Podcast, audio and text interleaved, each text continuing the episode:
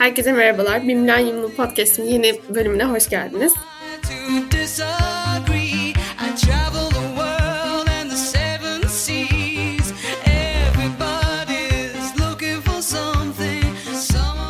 Başarılı gençleri konuk ettiğim ve onları sizlerle beraber daha yakından tanımaya çalıştığım yeni serimin yani ikinci serimin yeni bölüm konu Özgür. Kendisi Makers Türkiye'de inovasyon danışmanlığı yapıyor. Aynı zamanda Janus isimli bir girişimleri var ve bakmaya doyamayacağınız kadar güzel bir LinkedIn profili var. Eminim bugün ona bu konuda çok güzel püf noktalar da alacağız. Ben fazla söz uzatmadan ona selam vermek istiyorum. Hoş geldin Özgür. Hoş bulduk Canan. Teşekkür ederim beni ağırladığın için. Ay ben teşekkür ederim geldiğin için. Nasılsın? İyiyim, çok teşekkür ederim. Umarım sen de iyisindir. Ben de iyiyim, teşekkür ederim. Ben böyle kısaca senden bahsettim ama eminim senin çok daha uzun bir kendi anlatacağın yer vardır. O kısma geçelim istersen hemen. Seni tanımakla başlayalım. Tabii. Böyle okul gibi bir sıralamadan gidebiliriz eğer istersen okul iş. Evet evet aynen süper olur. Çünkü şey 18-24 yaş dinleyicileri belki de okulda dinlerler. Orada önemli olabilir. Evet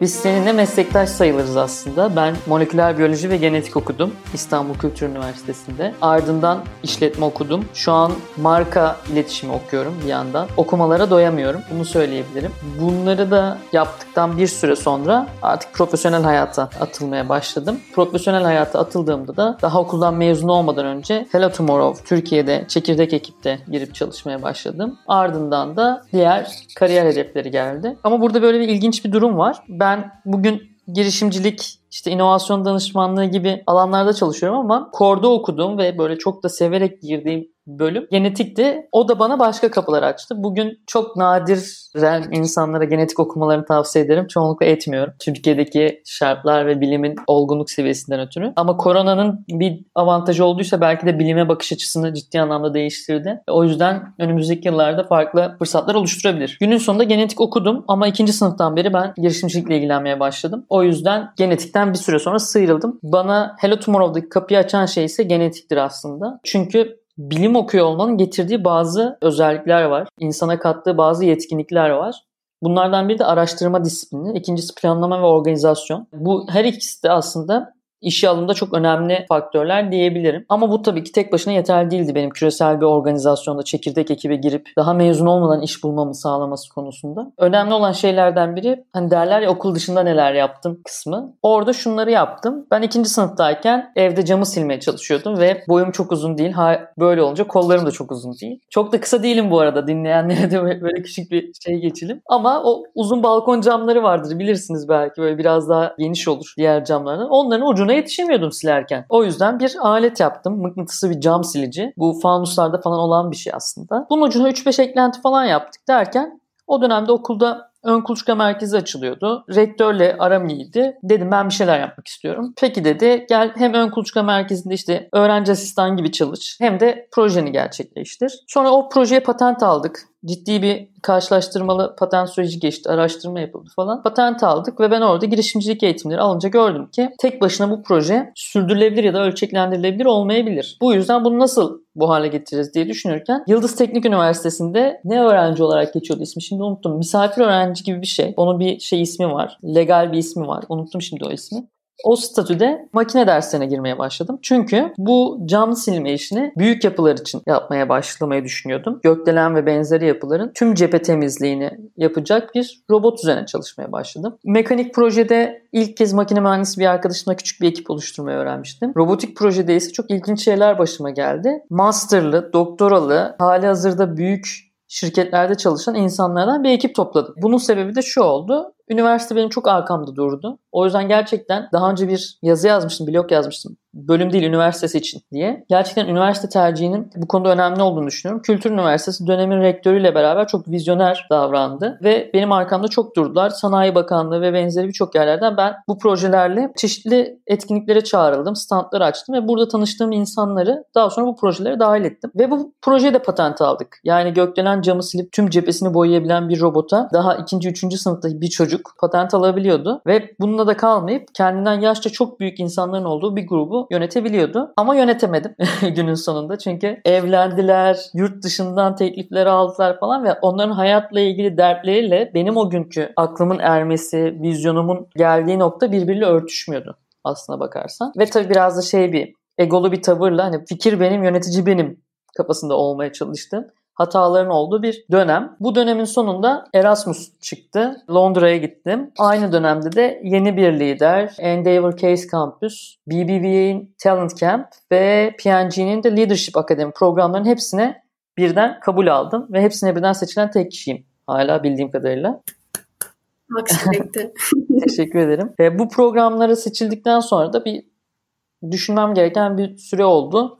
İngiltere'de her şey yolunda gitmiyordu benim için. Bu programlarda seçildiğimi öğrenince hangi programın temsilcisiydi hatırlamıyorum ama bunlardan biri benim yerime bu araştırmayı yapmış. Yani bunların hepsine seçilen kişi olduğumu o programlardan birinin temsilcisi söylemişti bana ya da o zamanki koordinatörlerinden biri. Ve işte Türkiye'ye dönmeyi düşünür müsün? Hani genetikten de çok böyle uçuşarak bahsetmiyorsun. Girişimcilikten çok bahsediyorsun. Belki burada dört tane kapı açılmış sana. Hepsi de birbirine yakın. Bunu değerlendirmek istersin demişti. O gün kafamın içine o kurdu bıraktı o. Ve ben sabah biletimi aldım. Türkiye'ye döndüm. Ve artık burada bir değer üretmem gerektiğine karar verdim. Ve girişimcilikle aslında ilk böyle tanışmıştım. Sonraki yıllarda da ilginç bir şey daha yaptım. Bölümden mezun olacağız. Bizde bir böyle tüzük falan yok. Mezun mezuniyet projesi nasıl hazırlanacağına dair ama bir teamül var. Herkes işte deneysel bir şeyler yapar ve böyle hazırlanır. Ben bunu yapmadım. Ben derleme bir çalışma yaptım ve bu bayağı şey oldu okulda. Alışla gelmemiş bir durum oldu. Çeşitli sorunları da açtık bu konuyla ilgili ve ilk kez lisans seviyesinde Türkiye Dünya karşılaştırmalı biyo girişimcilik ekosistemi üzerine bir çalışma ve yeni teknolojiler üzerine bir çalışma yaptım. Akademik çalışma yaptım. O çalışmam da çeşitli yerlerde görüntülendi.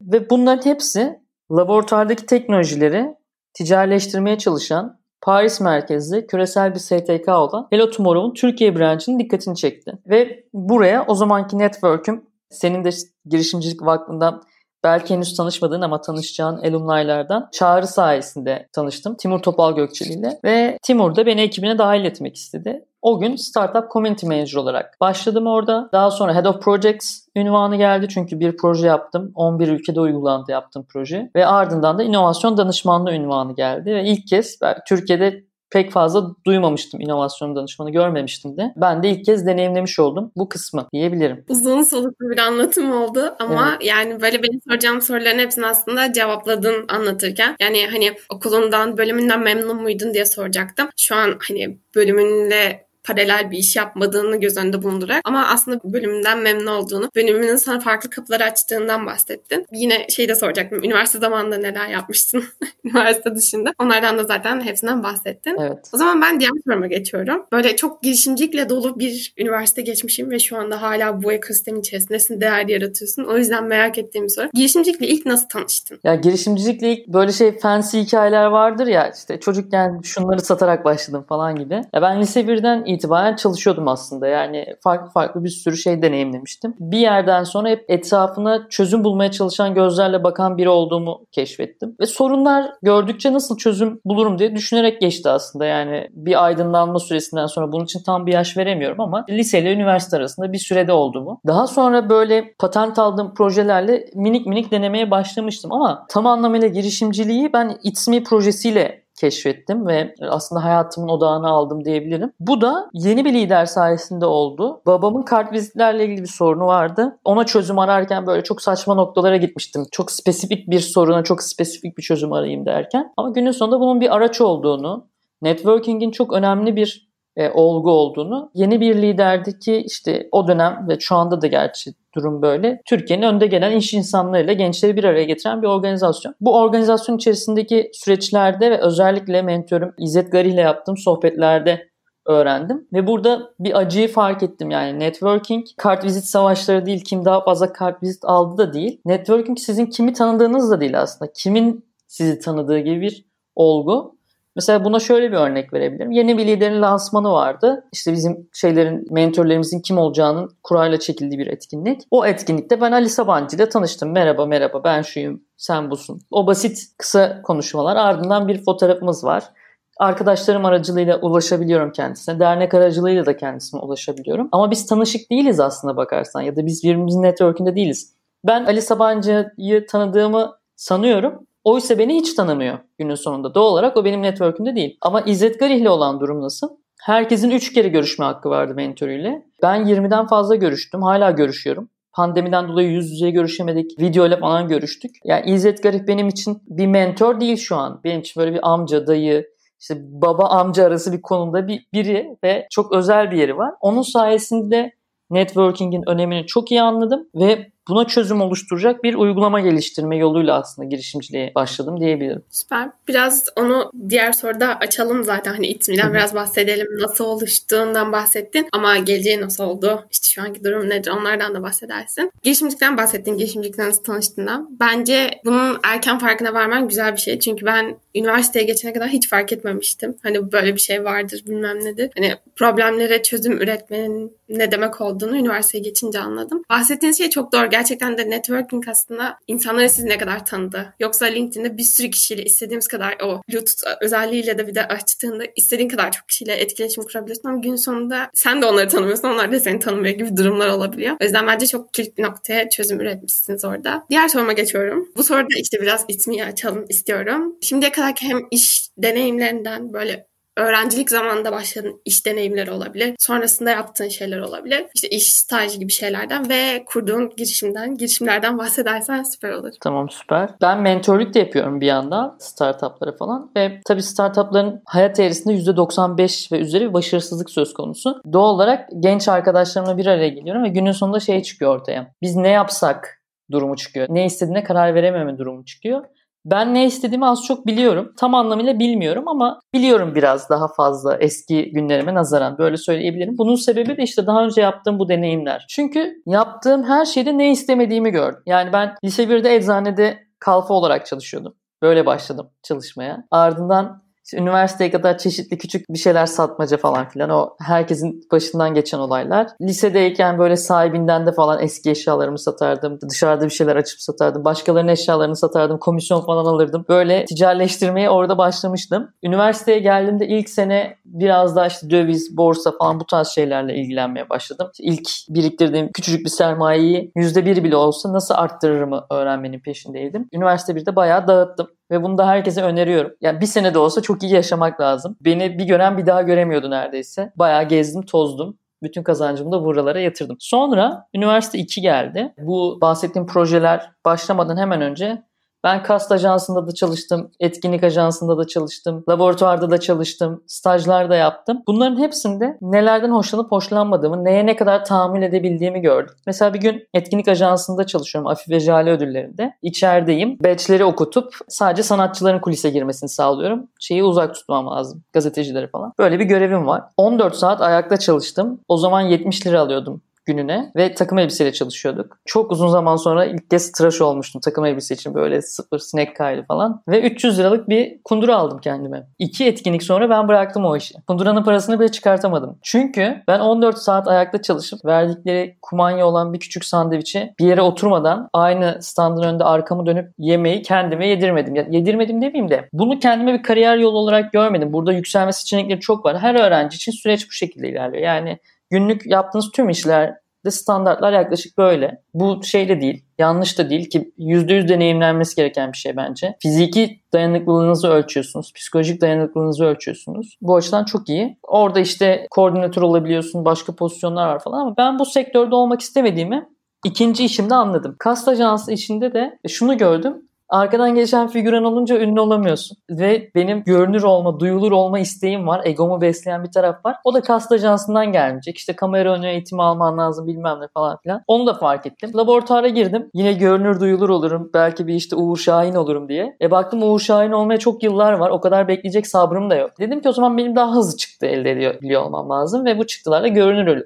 oluyor olmam lazım. Başka ne seçenekler var? Ya girişimcilik çok havalı. Havalı olduğu için başladım. Yalan yok. Ama çıktı ürettikçe sevmeye başladım. Bir kültür yaratmayı sevmeye başladım. Ve bence It's Me'de de yaptığımız ve oradan alıp bugün birazdan bahsedeceğiz. Farklı bir girişim oldu artık. Orada devam ettirdiğimiz şey bu kültür yapısı. It's Me bir sosyal sorumluluk projesi gibi başladı. Yani kağıt kart vizitler yaklaşık bir yıl sonra %4 oranında verimle kullanılabiliyor. %96'sı çöpe gidiyor. Zaten %80'i ilk bir hafta içerisinde çöpe ya da çekmeceye gidiyor. %88'i hatta. Bu aracı dijitalleştirelim diye bir sosyal sorumluluk projesi olarak başladık. İTÜ çekirdeği seçildik. Burada biraz daha bu iş pivot etti ticarileşmeye başladı ve yarı finaller, başka yarışmalar falan filan derken ben o görünür olma ihtiyacımı tatmin etmeye başladım oradan. O beni bir daha motive etti. Yani katılıp da kazanmadığımız yarışma olmadı neredeyse. Almadığımız ödül kalmadı diyebilirim. Yani bunu şey seviyesinde bile aldık. Türkiye dereceleri falan aldık TÜBİTAK'ta. Türkiye ikincisi olduk. Marmara Bölge birincisi olduk. İşte birçok programa seçildik. O programlar sayesinde birçok maliyetimizi sıfır düzeyinde hallettik ve biz yani milyonlarca lirayı save ettik aslında yani kurtardık bu programlar sayesinde. It's Me 2017'in sonunda başladı.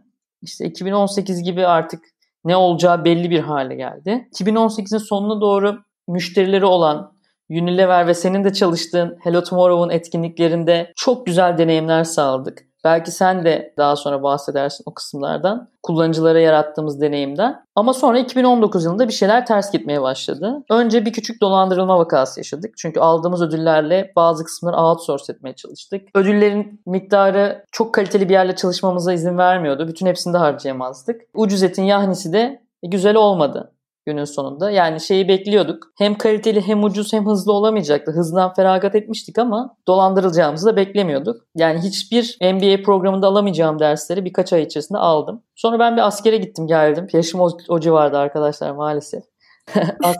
bir askerlik deneyimi falan oldu derken Orada bir kopuşlar oldu yani motivasyon olarak ekipte ben de bir dağılmaya başladık. It's Me Korun'da şunu yapıyordu o kadar çok evrildi ki girdiği programlar ve aldığı mentorluklar neticesinde fiziksel bir alan içerisinde, bir etkinlik içerisinde bulunan katılımcıların birbiriyle eşleşmesini en iyi tanışmanız gereken kişiyi buluyordu size. Bir sanal asistan vardı. Hangi etkinliğe gitmeniz gerektiğini ve kiminle tanışmanız gerektiğini söylüyordu. Ama biz zero budget bir iş yaptığımız için yani hiç sıfır bütçeyle gittiğimiz ve bootstrapping yani kendi sermayemizle gittiğimiz için sermayemiz de burada insan gücü. Aslında human capital dediğimiz bir sermaye. Bu sermayeyle gittiğimiz için öğrenmeye ayırdığımız zaman yapmaya ayırdığımız zamandan yüksekti ve çok büyük bir kısmı ekibin hatta tamamı ben de o dönem öğrenciydim. Öğrenciydi. Doğal olarak bizim pivot etme hızımız diğer startuplarla ya da full time ücretli işçi çalıştıran startuplara göre daha düşüktü. Ve 2019'un sonuna geldiğimizde biz çok büyük güncellemeler alıyorduk hayata ve o dönemde çok büyük de bir yatırım almak üzereydik. Yani şey diyemeyeceğim tabii Türkiye'nin gördüğü en büyük yatırımlardan biri diyemeyeceğim. O kadar büyük değildi ama bir early stage startup için olabilecek en büyük belki de kayda geçecek en büyük yatırımı almak üzereydik. Hem de yani böyle LinkedIn'le falan alakalı kişilerden diyebilirim. Öyle bir bizimle çok meçleşen bir taraftan da. Ama sonra onlar dediler ki Çin'de bir bela başladı. Bu yayılır. Bakın siz etkinlik özelinde bir şeyler yapıyorsunuz.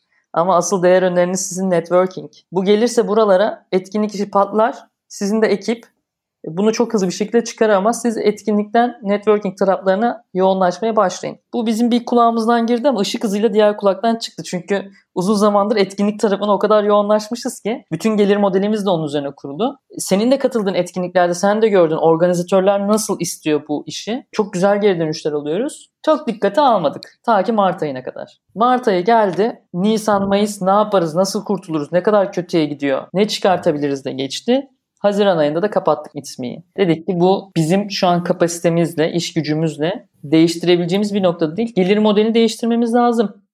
İşte bütün operasyonel düzeni değiştirmemiz lazım. Bambaşka bir uygulamadan bahsediyoruz artık geldiğimiz noktada. O zaman bambaşka bir şey olsun bu. İsmi Janus olsun dedik. Ve Janus'ı kurduk. Ve Janus'ta da İTSMİ'de iyi yaptığımız şeyleri aldık. Kültürü aldık. Şimdi biz yine şu an bir yatırım görüşmeleri yapıyoruz. Olur olmaz meçhul ama Yatırımcıların dikkatini çeken şey şuydu. Onların gözünde şöyle bakıyorlar. Özgür ekip topluyor ve bu ekip öğrencilerden oluşuyor. Para vermeden insan çalıştırıyor. Bu onlar için kapital gözüyle harika bir durum. Ama ben bu işe böyle bakmıyorum. Benim için durum şu. Bizim elimizde çok kıt kaynaklar var ve bu kıt kaynaklar maddi kaynaklar değil. Ne var elimizde? Know-how transferi. İşte benim bu seçildiğim bütün kurumlardaki bilgileri bu arkadaşlara aktarabiliyorum. Ve 3 tane kuralımız var sadece ekipte. Bol hata yap, bol öğren ve bol eğlen. Bu sayede de gerçek bir deneyim kazandırıyoruz. eğitimlerimiz var içeride. Kurum içi eğitimler diye hazırladığımız eğitimler var. Hatta iddia ediyorum bir MVP eğitimimiz var ki Y Combinator gelip bizden parayla satın almak ister. Böyle eğitimlerimiz var. Teknik mentorlarımız var. Yani bildiğim bir learning and development süreci var içeride. Yani biz değer yaratmaya çalışıyoruz içeride olan arkadaşlarımız için. Üstüne benim bakış açımda şu var. Biz böyle bir kültür oluşturduk ki insanlar maddi bir karşılığını alamasalar dahi hatta böyle fırsatlar karşılarına çıksalar dahi bizimle olmayı tercih ediyorlar. Benim için kapitalist yani kapitalistten kastım kapital sahibi olan yatırımcıdan başka olarak bakış açısı bu. Janus tamamen networking dikeyinde çalışan bir uygulama olacak. İsmi de Roma tanrısından geliyor. Janus bir Roma tanrısı, kapıların tanrısı, geçmişin ve geleceğin kapılarını kontrol eder. Aslında geçmişimizde biriktirdiğimiz insanlar geleceğimizi kontrol ediyor. Bu yüzden Janus ismiyle çıktık. Birkaç haftaya sosyal medyada bangır bangır bizi görmeye başlayacaksınız. Yine birkaç hafta sonrasında da MVP ve diğer ürünlerle hızlı bir çıkış yakalıyor olacağız. Janus'dan bundan sonra daha çok konuşuyor olacağız. Böyle söyleyebilirim. Çok güzel özetledin. Benim üzerine ekleyecek hiçbir şeyim yok. Yani gerçekten isminin ne kadar yararlı olduğundan bahsedebilirim belki. O uygulamayı indirip ne kadar faydalı olduğunu ben de gördüm. Ve zaten hani o kadar doğru noktalara değindin ki yani ismi'de de bunu uygulamışsınız ve şu an adı taşıdığınıza göre. Gerçekten networking hani böyle kanayan yaramız. hani şey zannediyoruz. İnsanlar tanıştıkça wow hani çok geliştik bilmem ne zannediyoruz ama mezun olduğunda bakıyorsun ya da ne bileyim gerçekten bir işin olduğuna bakıyorsun. Elinde aslında çok da birisi yok. Ya şu an sana şeyler göstermek isterim. Grafikler ama tabii dinleyiciler bunları göremeyecekler. İş başvurularının o kadar büyük bir kısmı aslında sadece network sayesinde oluyor ki yani şöyle söyleyebilirim. Neredeyse %10 civarında bir standart başvuru metoduyla bir işi almak mümkün. Çok büyük bir kısmı tanıdıklar, referanslar. Bu şey değil yani dayın olsun demek değil. Mesela sen Goin'de çalışıyorsun. Ben Makers Türkiye'de çalışıyorum. Benzer işler yapıyoruz. Sen beni tanıyorsun. Ben seni tanıyorum. İkimizden biri bir diğerinin şirketinde çalışmak istediği zaman birbirimize haber verdiğimiz durumda zaten iyi işler yaptığımızı bildiğimiz için otomatik olarak birbirimize referans oluyoruz. Çünkü o şirketi de geliştiren bir durum. Aslında bu böyle dönüyor. Bir de şu tarafı var. Kullanılan araç o kadar ilkel ki yani kartvizit. Yılda 400 bin ağaç kesiliyor sadece Amerika'da kartvizit üretebilmek için.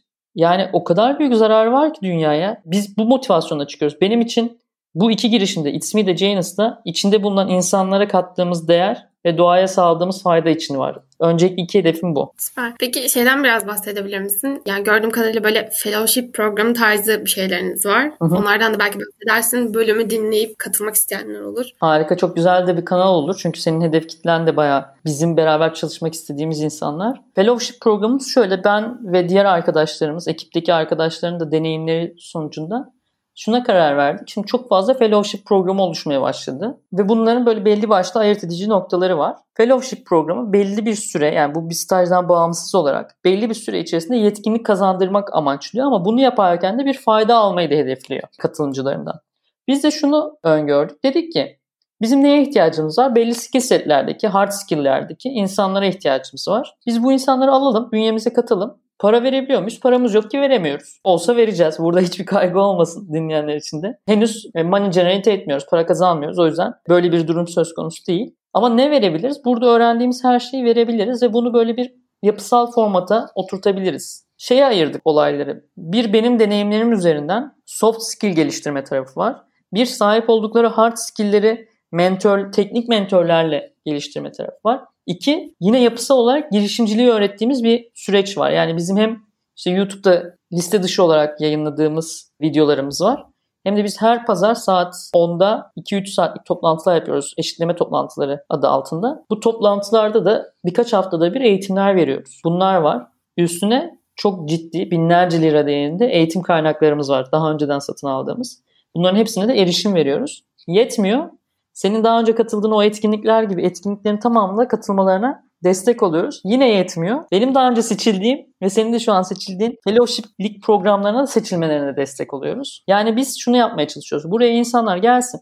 Ya isterlerse tamamen alıcı bir mantıkla gelsinler buradan. Yani sömürücü bir mantıkla gelsinler ama cepleri mutlaka bir gün sonra bile çıksa cebi dolu olarak çıksın buradan. Amacımız bu. Çünkü ekosisteme insan yetiştiriyoruz. Çok dar bir havuzdayız ve hepimiz aynı gemideyiz. Bu bu mantığa gelmek biraz yıllar alıyor. Ama bu arkadaşlar da bizden mezun olanlar, biz mezun diyoruz. Mezun olanlar da bunu anlamış olarak mezun oluyorlar. O yüzden böyle bir fellowship programı yürütüyoruz. Haftada 20 saat bir efor bekliyoruz ve eğitimlerimize katılmalarını bekliyoruz bu şekilde. Süper. Peki bu fellow süreci ne kadar sürüyor? Yani hani öğreniyorum öğreniyorum ama nereye kadar? Hani ben kalmak istediğim sürece istediğim kadar içeride kalabiliyor muyum yoksa bunun bir bitiş tarihi var mı? Şöyle iki tane 8 haftalık periyodumuz var ama araları yani ikisinin arası ardışık gitmek zorunda değil. Bazen araya başka şeyler alabiliyoruz. Yani 16 haftada bitmek zorunda değil süreç. İlk 8 hafta tamamen %100 soft skill'ler ve iletişim üzerine. Yani 8 hafta boyunca biz bir yapısal plana uymalarını bekliyoruz arkadaşlarımızın. Ve burada iletişimi bekliyoruz. Çünkü sıfır hiyerarşinin olduğu bir ortam. Ve tamamen emek bazlı olarak insanların kendi kendilerine ünvanlar alabildikleri bir ortam. 8 hafta boyunca iletişimden karşılıklı olarak memnunsak ve bizim işte haftada bir gün toplantı yapıyoruz sadece. Ona da katılıyorsa bu kişi düzenli olarak. Tabii geçerli mazereti varsa katılmıyor. İlk kısmı bitirmiş oluyor ve burada küçük bir 8 haftalık süreci tamamladığı için bir milestone atlamış oluyor. İlki iletişim, ikincisi uygulama haftası. Uygulama haftasında da hard skill'leri bakımından kendisine verilen görevleri biraz daha zorlaştırmış oluyoruz. Daha doğrusu ilk kısımlarda işte alışması, ilk 2-3 hafta alışması falan filan diye geçiyor. Doğru düzgün tam başlanılmamış oluyor. İkinci kısımda ise bir görevi tamamen teslim ediyoruz. Yani şöyle bir sayfa tasarlanacak, bize ne yapabilirsin konusunda tamamen özgür bir alan bırakıyoruz. Orada görmek istediğimiz iki şey var. Bir tanesi inisiyatif alması. Çünkü ilk 8 haftada biz özellikle hata yaptıracak görevler veriyoruz. Özellikle bazı kısımlarda yalnız bırakıyoruz ki fail etmeyi öğrensinler ve bu nasıl burada kucaklanıyor, nasıl tebrik ediliyor bunu görsünler diye. İkinci 8 haftada artık fail etmekten korkmadıkları için çok rahatlıkla inisiyatif alıyorlar. Bu 8 haftayı da bitirenler artık fellow olmuyor da entrepreneur in residence oluyorlar. Yani işletmedeki girişimci diyebiliriz. Böyle bir ünvanla devam ediyorlar ve çeşitli alanlarımız var işte marketing, technical vesaire diye. Bu şekilde devam ediyor. Eğer her iki taraf birbirinden memnunsa süreç devam ediyor. Değilse 16 haftanın sonunda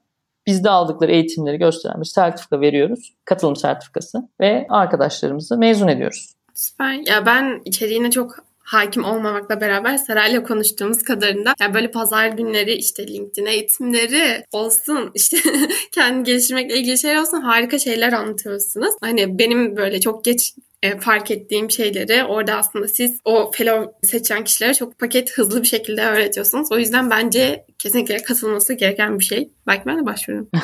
Aynen. Belki alırız. Belki doğru. Yok canım senin yerin her zaman bizde ayrı. Süper. O zaman buraya kadar böyle senin biraz üniversiteden iş hayatına geçişini, işte girişimcilik hikayeni dinledik ki bunlar bence çok kıymetli şeylerdi. Keza fellowship'i anlattık en son. Onlar da çok önemli. Şimdi böyle biraz seni terletmek istediğim sorulara geldim. Hadi bakalım. Acımasız sorular. İlk soruma başlıyorum. Bu ilk soru aslında biraz şey. Yani önceki anlattıklarından yola çıkarak cevaplayabileceğimiz aslında cevap bulabileceğimiz bir şey ama senden de duymak istediğim için soruyorum. Belki başka bir bakış açısıyla cevaplarsın. Şu an okuduğum bölümden farklı bir alanda çalışıyorsun. Hatta girişimcilik üzerine danışmanlık veriyorsun. Bunun sebebi kendi mesleğinde iş bulamaman mıydı? O dönem için değildi. Yani hiç böyle bir kaygıyla yaklaşmadım ama bugün herhalde kalıyor olsam bulamazdım herhalde diye düşünüyorum. Çünkü o yetkinlikleri yani iyi bir genetikçi olmak için gerekenleri yapmamış olurdum çok motivasyonum olmadığı için. Güzel, net. Güzel bir cevap. Yurt dışı deneyimlerin olduğundan bahsettin. Bir ara Londra'ya gittiğinden ama orada istediğin gibi gitmediğinden işlerimi biraz bahsettin ama hani sonuçta biz hepimiz biliyoruz ki böyle yurt dışı bizim gözümüzü çok büyüleyen bir yer. Hani oraya gitsek de kapağı oraya atsak da Türkiye'ye geri dönmesek gibi. Çok böyle hayali şeylerimiz var. Herkesin hayallerini süsleyen hedefler. Aynen. Yani senin böyle deneyimlerin olduğunu biliyoruz, konuştuk. Ama şu an Türkiye'de çalışıyorsun. Bunun sebebi orada iş bulmak zor ya da oradaki kültürel yapı bize çok farklı mı? Yani neden o şekilde gelişti? Aslında kombine cevapları var bunun. Ben Avrupa'daki hemen hemen bütün büyük kapitallerde bulundum. İş içinde bulundum. İş vasıtasıyla da gittiğim oldu. Eğitim için, gezi için, liderlik akademileri için gittiğim falan oldu. Yani Makedonya'da böyle bir programa katıldım falan. Ama günün sonunda Korktuğum anlar oldu. Tahmin edilemez sürelerde uzun kalmam gereken fırsatlar çıktı. Homesick olduğum zamanlar oldu. Londra'dayken homesick oldum. Ailemi deli gibi özledim. Ama başka yani vize, konsolosluk falan farklı tarz problemlerim de olmuştu. Belki de o an challenge edemedim o problemlerle. Bunlar da oldu. Ama benim için sorun şey değil yani orada iş bulamamak değil. Benim profilimdeki biri için Türkiye'de iş bulmak daha zor. Yani inovasyon danışmanı gibi bir pozisyonu ben Türkiye'de çok nadir görüyorum ve ismini atladım bu pozisyonu direkt. Ama yurt dışında çok daha fazla pozisyon var ya da işte product management ve benzeri alanlarda da. Şimdi Türkiye'de product manager pozisyonlarını daha sık görüyoruz. Teknoloji girişimciliğinin artmasıyla beraber ama birkaç sene evveline kadar bu böyle değildi. Çok defa da ben de kapak atmayı da denedim bu arada ama gerçekten karma mıdır artık bilmiyorum. Yani master'a kabul aldım. Babam rahatsızlandı. İngiltere'ye gidiyordum. Korona çıktı falan. Yani öyle şeyler arka arkaya denk geldik tekrar. İngiltere'de master yapacaktım tekrar son zamanlarda. İşte koronanın yeni patladığı Nisan ayında falan aracı kuruluşla irtibatımız kesildi falan yani. yani. O sene olmadı bir sene daha bekle falan filan. Gerçekten bir şeyler yolunda gitmedi. Ama benim de mutlaka profesyonel hayatımın bir kısmını belki de tamamını yurt dışına geçirmek gibi bir hedefim var. Ama şimdilik planlarım işte kız arkadaşımla beraber gidebilmek iki kat daha zor. İkimizin aynı şehre aynı ülkeye denk getirebiliyor olması. Aynen. O zaman diğer soruma geçiyorum. Girişimci üzerine konuştuk. Sen de zaten hali hazırda burada çalışıyorsun. Ama yine de bunu senden duymak istiyorum. Girişimcilik senin için bir gençlik hevesi mi? Yani hani başta dedin ya çok havalı olduğu için bu alana giriş yaptım. Sonra kendimi gösterebileceğim bir alan olduğunu fark ettiğim için içeride kaldım gibi. Hı hı. Ben de aynı kaygıları ve istekleri güderek aslında içeri girdim ve hala burada bir şeyler üretmeye çalışıyorum diyebilirim. Senin buradaki motivasyonun nasıl? Havalı olduğu için başlanabilen bir şey ama havalı olduğu için sürdürülemeyen bir şey aslında girişimcilik. Yani tek başına havalı olması yetmiyor artık havalı da değil bence. Çünkü artık şeylerde filmlerde falan görüyoruz yani şey girişimciler eski Türk filmlerindeki dolandırıcı enişteler gibi anlatılıyor falan Türk filmlerinde. Belki eski havası da yok. Gençlik hevesi mi? Bugünkü yaşım ve bugünkü aklımın ermesiyle değil diye düşünüyorum. Ama mesela mentörüm için şöyle bir durum söz konusu. Şimdi bir anda popüler oldu ya. O da şunu söylüyor. Acaba profesyonel hayattan korkunca araya bir buffer zamanı almak için mi girişimcilik yapıyor gençler? Ya da eğitim bitiyor. O konfor alanından böyle sert bir geçiş olmasın diye mi girişimcilik bir alternatif olarak bu kadar körükleniyor? Böyle 55-60 yaş grubundan da böyle feedbackleri aldığım oluyor. Belki ben de bu yaşlara geldiğimde böyle düşünebilirim ama bugün için bana bir heves gibi gelmiyor. Tek başına bir heves gibi gelmiyor biz hani şu an bu yaşta olduğumuz için her şey bize çok toz pembe gibi geliyor. Bunun doğru yol olduğunu düşünüyor olabiliyoruz. Ama sonuçta bir kurumsal hayatta var. Yanında ne bileyim farklı tecrübeler de dinleyebileceğimiz önümüzde bir sürü deneyim var. Ve bizden büyük insanların böyle aktarıyor olması da bence güzel. evet. Sonra çok yumuşaklıkla cevap verdin. İkinci e, acımasız olmadı ama neyse. Diğer kısma geçiyorum. Diğer kısımda yani bu kısımda böyle biraz daha senin ilham aldığın şeyleri merak ettiğim bir kısım. Hı hı. O yüzden ilk sorumla başlıyorum. Bugüne kadar ilk katılmışım dediğim bir deneyim. Bu bir staj, etkinlik ya da YBL gibi programlar da olabilir. Ama hani bu ben buraya girdim ve kendimi yeniden yarattım. Böyle çok şey nasıl diyeyim ilham alarak çıktım dediğim bir deneyim. YBL yani YBL gibi dedin YBL gerçekten Yeni Bir Lider Derneği'nin şimdiki adıyla Lead 21 eski adıyla YBL 21 programı. Programın ilk temsilcilerindenim yani ilk sene girdik. Gerçekten üzerimize titrendi. Gerçekten yani o dönem Tanya vardı, Ozan vardı programın başında. Eğer beni duyacaklarsa, duyarlarsa çok teşekkür ederim. Çok minnettarım her ikinize de beni kökünden değiştiren bir süreç. Çünkü SDG'leri öğrendim. Yani sürdürülebilir kalkınma hedeflerini öğrendim ve o günden bugüne ben bir şekilde sosyal fayda üretmeyen herhangi bir alanda çalışmıyorum. Yani atıyorum analitik bilgimi ya da yetkinliklerimi bir üretim prosesinin %90'dan %92'ye daha verimli olmasına kullanabilirim ve daha iyi şartlarda çalışıp daha yüksek paralar kazanabilirim belki. Ama işte bu şirket doğaya katkı sağlamıyorsa bunu yaparken burada çalışmıyorum. Bu etik değerleri kazandırdı ve bana Garih ailesini kazandırdı. Yani Cem sevdiğim bir arkadaşımdır. Yeni bir kurucularından Kerem'le beraber. İzzet Garih yani dedim ya baba amca arası bir konumda. Babası merhum Üzeyir Garih hiç tanımadım. Zaten yaşımda yetmezdi tanımaya. Ama kitaplarıyla beslendiğim biri. Talgari yani tanıdığım en iyi storytellerlardan biri. O yüzden gerçekten benim için çok farklı ve bugün yaptığım şeyleri o gün onlardan öğrendiklerim sayesinde düşünebilir hale geldim. Wow, yüreğimize dokundun bu cevapla. Teşekkür ederim. Diğer soruma geçiyorum. Bugüne kadar ilk tanışmışım dediğim biri. Ya bunu bir böyle nasıl diyeyim network uygulaması yapmış ve bu konularda aktarımlar yapan biri olarak nasıl cevaplayacağını çok merak ediyorum çok şey böyle nereye tükürsem şey derler işte yukarısı bıyık aşağısı sakal bir durum. Kimi söylesem diğeri eksik kalır. Şey yapayım böyle teşekkürler hayatıma hayatıma girmiş herkes için falan gibi kıvırarak bir cevap vereyim dermişim. Şaka bir yana ben böyle Seray Bir, birkaç bölüm önce buradaydı bizim ekipten. Mesela Seray iyi ki tanıştım diyeceğim insanlardan biridir. Çünkü çok sevdiğim bir sözü var. Spiritüel şeylere inanmayı çok istiyorum ama inanamıyorum diyor. Tam anlamıyla ben. Ben de spiritüel şeylere inanmayı çok istiyorum. Ben öyle ne dinle ne de başka şeylerle çok bağı olan biri değilim. Ama olsun isterdim. Birçok kişi böyle geleneksel sözler vardır ya ayağın taşa değmesin bilmem vesaire. İstisnasız tanıştığım herkes, her sosyoekonomik sınıftan, her kültürden, yabancı arkadaşlarım dahil bana şunu söylüyorlar. Umarım iyi insanlarla karşılaşırsın. İşte ya da Allah seni iyi insanlarla karşılaştırsın. Belki 40'tan fazla söylendiği için oldu bilmiyorum ama hayatımda kötü bir insan yok. Gerçekten herkes çok değerli ya da network management yaparken beni aşağı çekebilecek, negatif hissettirebilecek kişileri zaman içerisinde bir şekilde elemiş de olabilirim. Ama bunların başında belki de son zamanlarda birbirimize kattığımız faydadan ötürü Erdal Uzunoğlu'ndan bahsedebilirim. Tek bir kişi İzzet Gari'yi falan bir kenara bırakıyorum. Çünkü onlardan zaten yeterince bahsettim. O yüzden ekstra söylemiyorum ama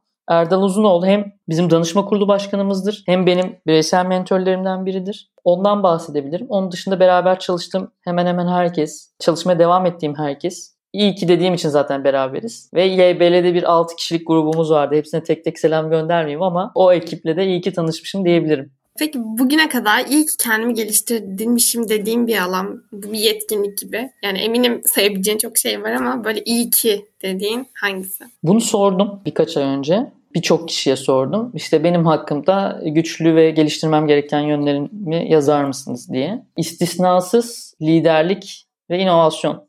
Bu iki kelime çok sound etti. İnovasyonu ölçemiyorum ya da bilmiyorum biraz büyük bir kelime gibi geliyor bana kapsamlı olduğu için belki de. Orada biraz humble davranmak istiyorum. Ama liderlik kısmında o kadar da mütevazi olmak istemiyorum. Çünkü ya bizim Eylül'ü biliyor musun bilmiyorum. Bizim ekipte Eylül vardı. Ya Eylül Unilever'de staj yapıp geri döndü bizim ekibe. Yani bir yıllık stajını tamamlayıp kültürüyle ünlü bir kurumdan çıkıp ben bu kültürü arıyorum deyip bize geri döndü. E, bu benim için mesela bir başarı. Yani bunu yapabiliyorum bunun bir başarısı. Ve gerçekten çok iyi anlaşıyoruz ekiple. Yani şu an ekibimizde bir arkadaşımız daha var. Böyle gözlerim dolmuştu söylediği şeyi duyduğumda. İTÜ'de okuyor. Bir staj yaptı okulunda ve sonra şey nasıl geçti falan filan yazdım. Bana şey yazdı. Ben galiba işte sonsuza kadar bu ekibin kanatları altında, bu liderliğin kanatları altında çalışmak istiyorum diye. Başka yerlerde deneyimlediklerinde gerçekten aradıkları bir kültür oluşturmuşuz. Demek ki bunu yapabilmişim diyebiliyorum. O yüzden liderlik. Evet ben de senin liderliğin hakkında ve ekibi yöneticin hakkında iyi şeyler duydum. Ki ben de deneyimledim de diyebilirim. Hani o etkinlik gününde sonuçta beraber çalışmıştık. Çok teşekkür ederim. Hem sana hem de sana böyle güzel şeyleri iletenlere. O zaman hiç hız kaybetmeden hızlı sorulara geçiyorum. Bu böyle hemen evet hayır ya da işte hangisini seçeceğini merak ettiğim şeyler. İlk sorumla başlıyorum. Spotify mı Netflix mi? Müzik dinlemiyorum.